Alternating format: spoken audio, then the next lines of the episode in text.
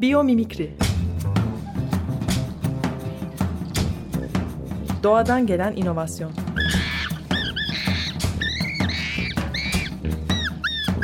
Hazırlayan ve sunan Zeynep Arhon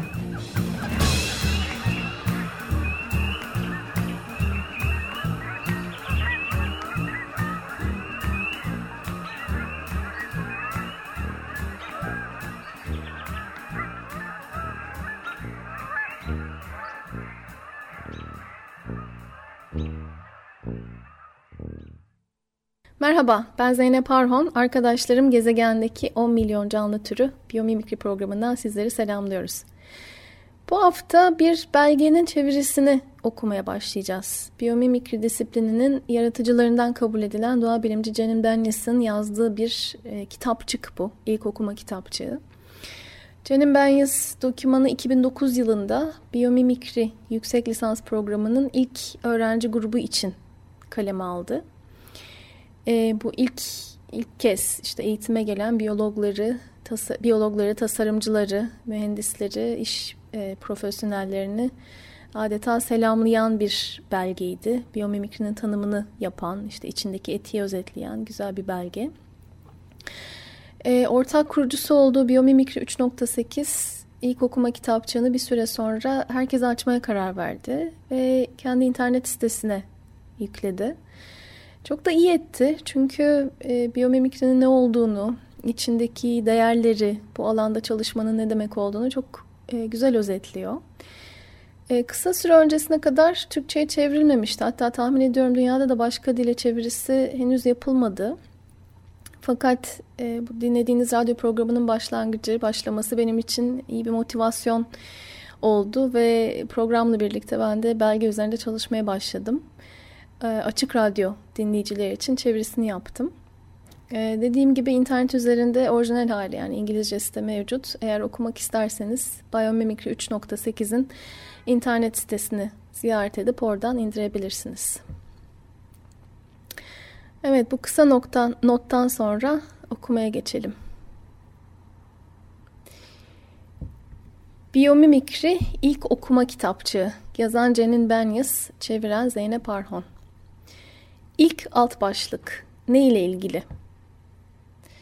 Biyomimikriyi tanımadığım birine ilk anlatışım üniversite sunumuna veya çalıştaya rastlamıyor. Biomimicry, Innovation Inspired by Nature kitabının yayınından hemen sonra dev kitapçılardan birini ziyaretime rastlıyor. Her yazarın deneyimlediği o anı yaşıyordum. Kitabım kısa süre önce yayınlanmıştı. Nefesimi tutmuş bir halde kitabı raflarda arıyordum.'' Önce doğa bölümünü kontrol ettim. Sonra tasarım kitaplarının ve mühendislik kitaplarının olduğu bölümlere baktım. Hiçbirinde bulamadım. Tam çökmek üzereyken kitapçıda çalışanlardan biri gözüme ilişti. Ona kitabın hangi bölümde rafa çıkmış olabileceğini sordum. Son derece doğal ama zor bir soruyla cevap verdi. Kitap neyle ilgili?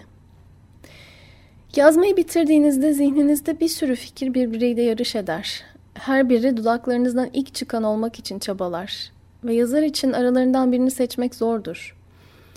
Biraz duraksadım, sonra peki dedim. Yeni icatlar için ilham almak üzere doğaya bakmakla ilgili. Yaşamın dehasını bilinçli bir şekilde taklit ederek bu gezegen üzerinde daha saygılı yaşamakla ilgili. Teknoloji veya biyolojiyle değil de biyolojinin teknolojisiyle ilgili. Örümcek gibi güçlü örebilmek, güneşin enerjisini yaprak gibi kullanabilmek. Bunlarla ilgili.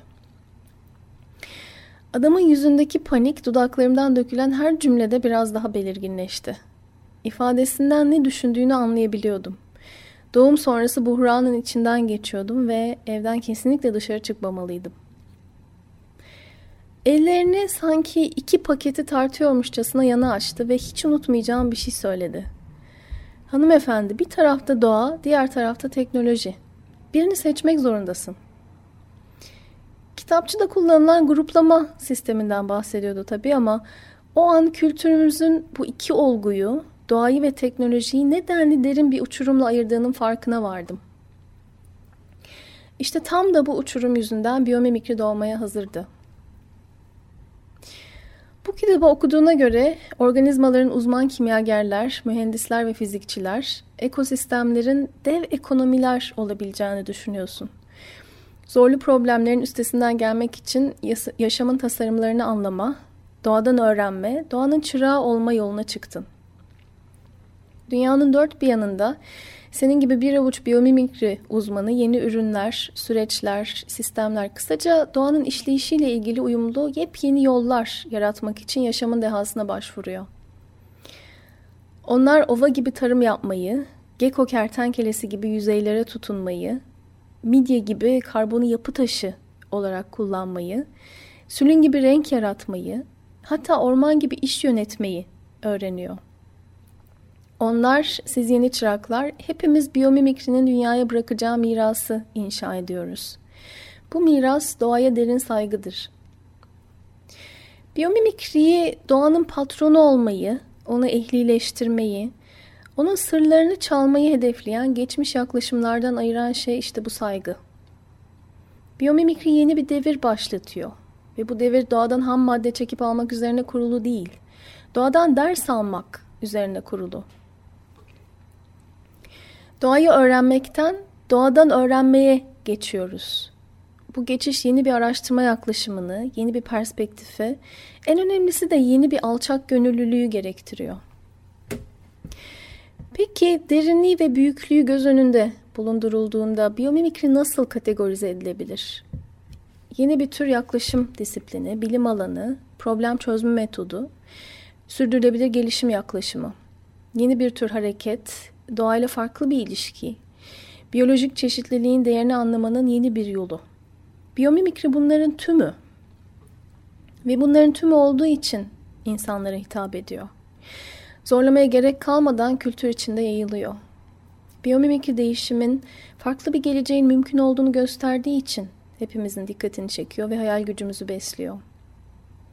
Eğer illa da pratik bir tanım arıyorsak biyomimikriyi yaşamın tasarımlarını, kimya formüllerini, ekosistem stratejilerini ödünç alan sürdürülebilir gelişim yolu olarak tanımlayabiliriz.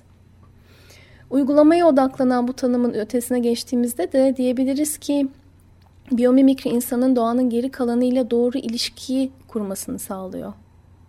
İnsanın gezegen üzerinde makbul bir canlı türüne dönüşmesine yardımcı oluyor. Bu alanda çalıştıkça kişisel tanımını bulacaksın şüphesiz. Sadece başlangıç noktası olmak, olması için burada daha resmi bir tanım paylaşayım. Biyomimikri sürdürülebilir çözümler yaratmak için doğanın formlarını, süreçlerini, ekosistemlerini anlar ve taklit eder. Yeni nesil güneş enerjisi çözümü için yaprağı, daha iyi pil için yılan balığını çalışır. Ana fikir doğanın insanı uğraştıran problemleri zaten çözmüş olduğudur. Enerji, gıda üretimi, iklimlendirme, yeşil kimya, ulaşım, ambalaj ve daha fazlası. Yaşamla dost olan bu çözümleri anlamak ve taklit etmek, doğaya zarar vermek yerine onu besleyen yeni teknolojilere atılım yapmamızı sağlar. Söz konusu yeni nesil teknolojiler sudan, enerjiden, ham maddeden tasarruf eden, çöpü ve zehri normal karşılamayan çözümlerdir. İkinci alt başlık. Daha iyi modeller olabilir mi? Tasarımcılar, mühendisler, inovasyon odaklı tüm profesyoneller için doğaya dönüp bakmak, doğa bu problemi nasıl çözüyor sorusunu sormak tam bir aydınlanma. Tek bir fikir değil, milyonlarca fikirden bahsediyoruz. Bunlar milyarlarca yıllık testten geçmiş, bir nesilden diğerine aktarılmış, yaşam için güvenli olduğu kanıtlanmış fikirler. Doğa, güvenilir ilham kaynağımız tam da türümüzün endüstriyel çöküşün etkilerini hissettiği anda yetişiyor. İnovasyon alanında çalışan ve doğaya karşı iş yapmak için iç yapmak yerine doğa için fayda sağlayarak iş yapmak isteyen profesyoneller ofislerinden dışarı çıkıyor yaşamın 3.8 milyar yıllık hangi stratejilerle devam ettiğini inceliyor. Onlar ısıt, şekillendir, değiştir olarak tanımladığım, e, burada bir parantez açalım. Cenin Benyas'ın çok sık kullandığı bir üçlü bu. Isıt, şekillendir, değiştir. Heat, beat and treat e, olarak kullanıyor orijinal dilinde. Onlar ısıt, şekillendir, değiştir olarak tanımladığım endüstriyel modeli kullanmadan üreten organizmaları örnek alıyor. Güneş enerjisi ve geri bildirim döngüleriyle işleyen, çöp yerine fırsat yaratan ekosistemlerin prensiplerini keşfediyor. Bu profesyonellerin ulaştıkları çözümler fonksiyonel, sürdürülebilir, aynı zamanda da güzel. Güzellik, biyomimikrinin gördüğü kabulün önemli sebeplerinden biri. Bizi yönlendirecek modelleri aramak, doğayla, güzelliğini bildiğimiz yaşam dolu yerle yeniden ilişki kurmamızı sağlıyor. Canlı türümüz gezegende var olduğu sürenin %99.9'unu yabani doğanın derinliklerinde geçirdi. Beceriyle örülmüş kuş yuvasının, pırıl pırıl parlayan balık pullarının, deniz kabuğunun güzelliğini takdir etmemiz son derece doğal. Duyulara hitap, işlevsellik, malzeme seçimi, zararsız üretim. Tasarım tüm bu açılardan güzel olduğunda onu kendi tasarımlarımız için de örnek almak istiyoruz. Biyomimikri uzmanlarının kırlangıcın gökyüzünü ikiye ayırırcasına uçtuğunu, kelebeğin çiçeğe zarifçe konduğunu gördüklerinde hissettiği de budur. Beğendiğimiz organizmalar gibi olmak, olabilmek arzusu.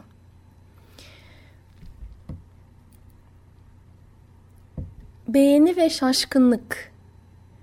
Bu ikiz duygular güçlü oldukları kadar faydalı da. Sosyal referans teorisi der ki değişimin en hızlı yolu yeni bir mentor seçmektir. Beğendiğimiz ve yolundan gitmeyi istediğimiz birini seçmek.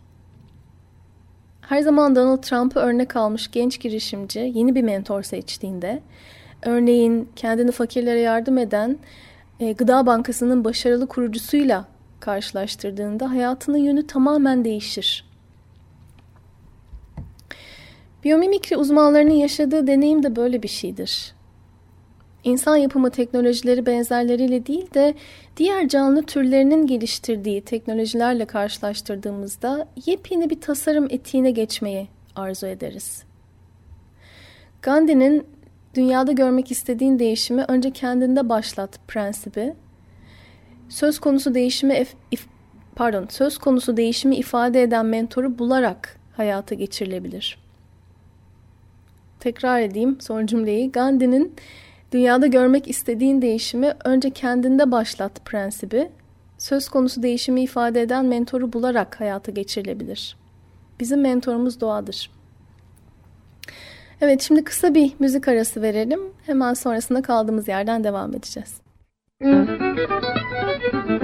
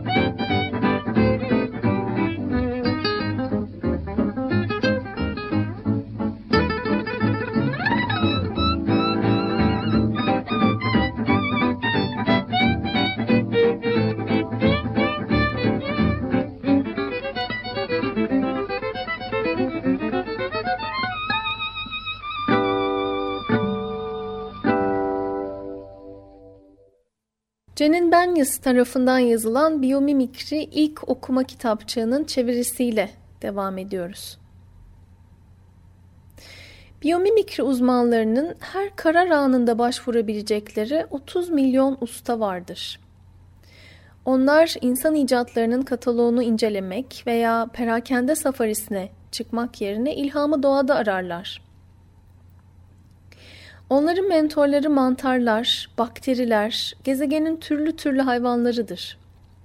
Bu mentorlar yüzeyleri kaplar, havayı temizler, suyun kalitesini yükseltir, taşı toprağa dönüştürür. Motora gerek duymadan gökyüzünü kat eder, okyanusun derinliklerine tüpsüz dalar, sisten içme suyu elde eder. Kum tepelerini fırtınalardan korur, yaşam için gerekli malzemeleri kapalı döngülerde işler. Bulundukları ortamdaki fırsatları en iyi şekilde değerlendirirken ortamın kapasite sınırlarına saygı duyar ve bu sınırlar içinde, bu sınırlara rağmen teknolojik mucizeler yaratır. Daha yakından incelediğimizde organizmalar söz konusu işlerin altından kalkmak için hem çeşit hem de miktar olarak son derece az ham madde kullanır. Ham maddeyi bulundukları ortamdan elde eder, vücut ısısında ve basıncında yoğurur, gürültü patırtı çıkarmaz, suyun içinde işler. Ham madde kullanım ömrünün sonunda başka organizmalar tarafından ayrıştırılır, yeniden toparlanır, güneş enerjisi, enerjisiyle işlenir, tekrar tekrar kullanılır. Sürdürülebilir bir dünya vizyonuyla yanıp tutuşanlar gezegenin sık ormanlarına, yemyeşil ovalarına, mercanlarına, tunduralarına gıptayla bakarlar. Bu yaşam dolu topluluklar üretmekle kalmaz. Üretim yaparken aynı zamanda bulundukları yerleri iyileştirir ve geliştirir. İnsanın bulunduğu yerler de dahil. Örnek alabileceğimiz daha iyi bir model olabilir mi? Üçüncü alt başlık, biyomimikrinin diğer tasarım paradigmalarıyla ilişkisi. Biyomimikri geniş kapsamından ötürü son 30 yılda geliştirilen diğer tasarım paradigmalarına hem pratik hem felsefi boyutta katkıda bulunur. Natural Step, Natural Capitalism, Cradle to Cradle, Ecological Design ve Living Building Challenge'ı bunların arasından sayabiliriz.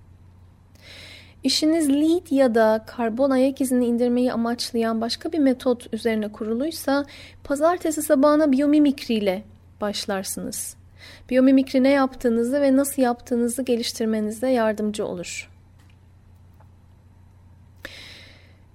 Biyomimikri yaklaşımı tasarımın tüm aşamalarında doğaya başvurur. Öncelikle projenin kapsamının belirlenmesi, sonra yaratım ve değerlendirme.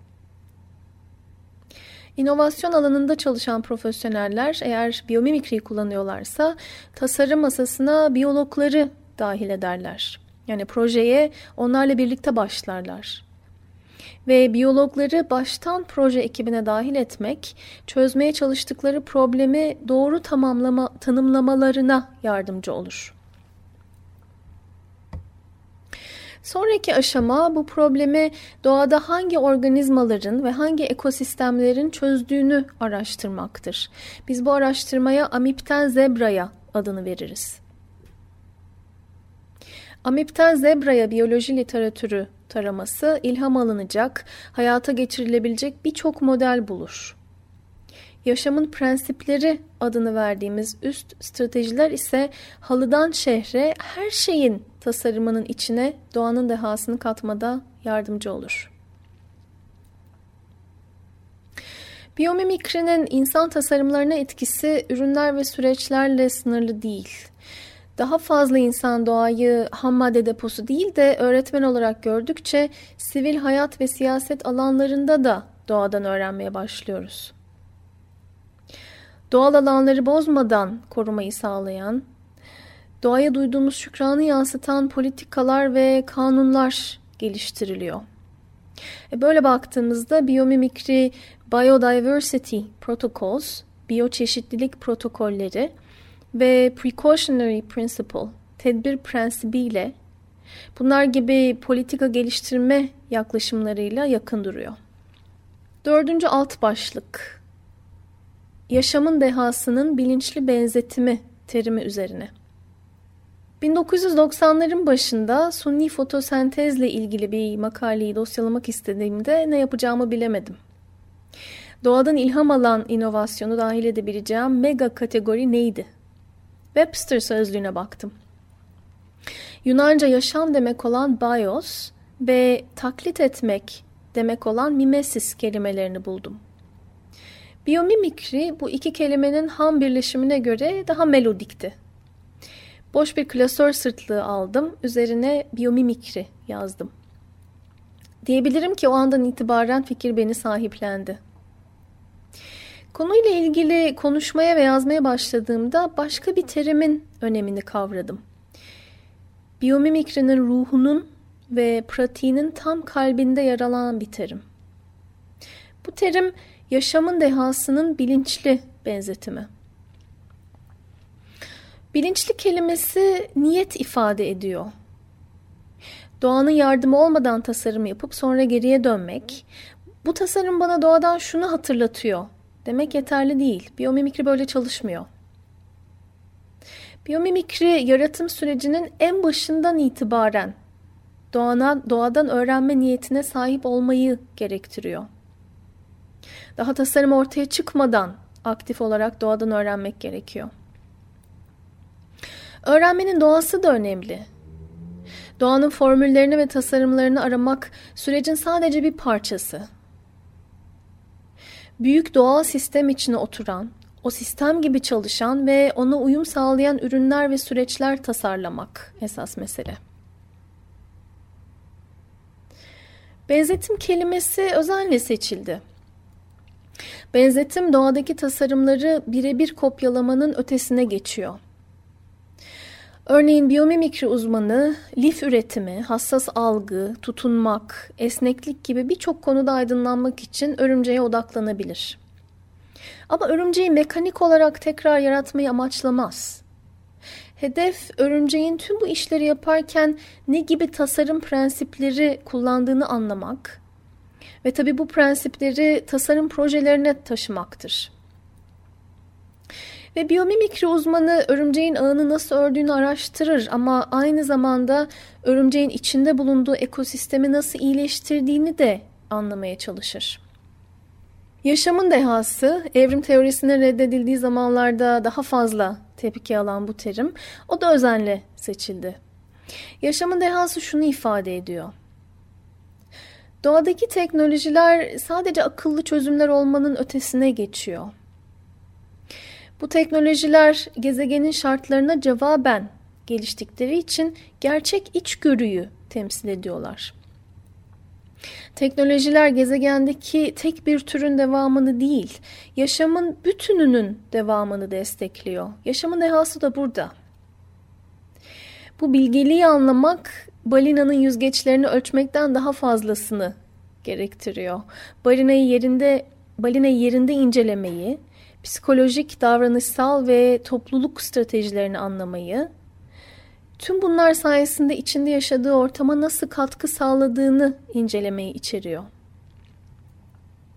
Sığ biyomimikriden derin biyomimikriye geçmek için organizma ile sürekli diyalog içinde olmalıyız. Ve sonuçta öğrendiklerimizi üç farklı seviyede çözümlere dönüştürmeliyiz. Beşinci alt başlık biyomimikrinin üç seviyesi. Biyomimikrinin ilk seviyesi doğadaki form bazında benzetim. Örneğin her noktasından ikiye ayrılabilecek ve kolayca tekrar birleştirilebilecek yeni bir kumaş yaratmak için baykuşun tüylerini inceleyebilirsiniz. Veya başka bir yenilik için baykuşun sessizce uçmasını sağlayan kanatlarına, kanat uçlarına odaklanabilirsiniz. Fakat tüy tasarımını taklit etmek sadece başlangıçtır. Çünkü sizi sürdürülebilir tasarımlara götürüp götürmeyeceği belirsizdir. Derin biyomimikri ikinci bir aşama ekler. Bu aşama doğadaki süreci yani ürünün nasıl yapıldığını taklit etmektir. Baykuş tüylerini kendi vücut ısısında, toksinlere veya yüksek basınç seviyelerine ihtiyaç duymadan üretir. Doğada kimya böyle işler. Büyümekte olan yeşil kimya alanı doğadaki kimya süreçlerini anlamayı ve bunları tekrar e, tekrar etmeyi hedefler. Benzetimin üçüncü aşaması ekosistem seviyesindedir. Baykuşun tüyü kendisinden çok daha büyük sistemlerin parçasıdır. Baykuşun parçasıdır örneğin. Baykuşun yaşadığı ormanın parçasıdır. Hatta ormanın içinde yer aldığı sürdürülebilir biyosferin parçasıdır. Aynı şekilde baykuşun tüyünü baz alarak yarattığımız kumaş da bu gezegeni ve insanlarını besleyen ekonomik sistemin parçası olmalıdır. Kumaş sistemi tüketmek yerine, gezegeni tüketmek yerine sistemleri ve gezegeni beslemelidir. Kumaşın ipliğini yeşil kimya kullanarak üretseniz de dokumak için işçileri berbat bir üretimhanede çalıştırıyorsanız, kumaşı atmosfere kirlilik pompalayan kamyonlara yüklüyorsanız ve onu dünyanın diğer ucuna gönderiyorsanız biyomimikri yapmıyorsunuz demektir. Çözüme doğadaki içgörüyü taşımak için her ürünün o sisteme nasıl uyduğunu sormalısınız. Bu ürün gerçekten gerekli mi? Güzel mi? Daha da önemlisi farklı endüstrilerden oluşan besin ağının içinde mi yaşıyor? Nasıl taşındığı, satıldığı, absorbe edildiği, geriye kazanıldığı, orman gibi işleyen bir ekonomiye geçişimizi hızlandırabilir mi? Benzetimi bu üç aşamanın tümünde becerebilirsek, doğal form, doğal süreç ve doğal sistem aşamaları. İşte o zaman ders aldığımız organizmaların yaptığı şeyi yapmaya başlayacağız. Yaşam için uygun koşulları oluşturmak. Yaşam için uygun koşulları oluşturmak tercih meselesi değil. Uzun vadede burada var olmak isteyen her organizma için çıkış yolu. Dünyayı ev edinmeye devam etmek istiyorsak havayı filtrelemeyi, suyu temizlemeyi, toprak yapmayı bizden önce buraya gelenlerden öğrenmek zorundayız. İyi komşular böyle yapar, birbirlerinden öğrenirler. Evet, biyomimikri programı için bu hafta ayrılan sürenin sonuna geldik. Haftaya Cenin Benyas'ın Biyomimikri ilk okuma kitapçığının çevirisiyle devam edeceğiz. O zamana dek doğayla kalın. Biyomimikri Doğadan gelen inovasyon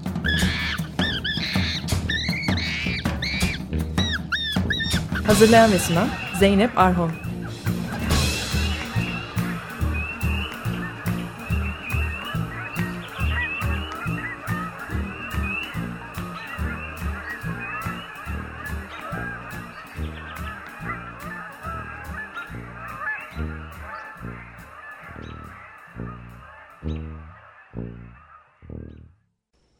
Radyo program destekçisi olun.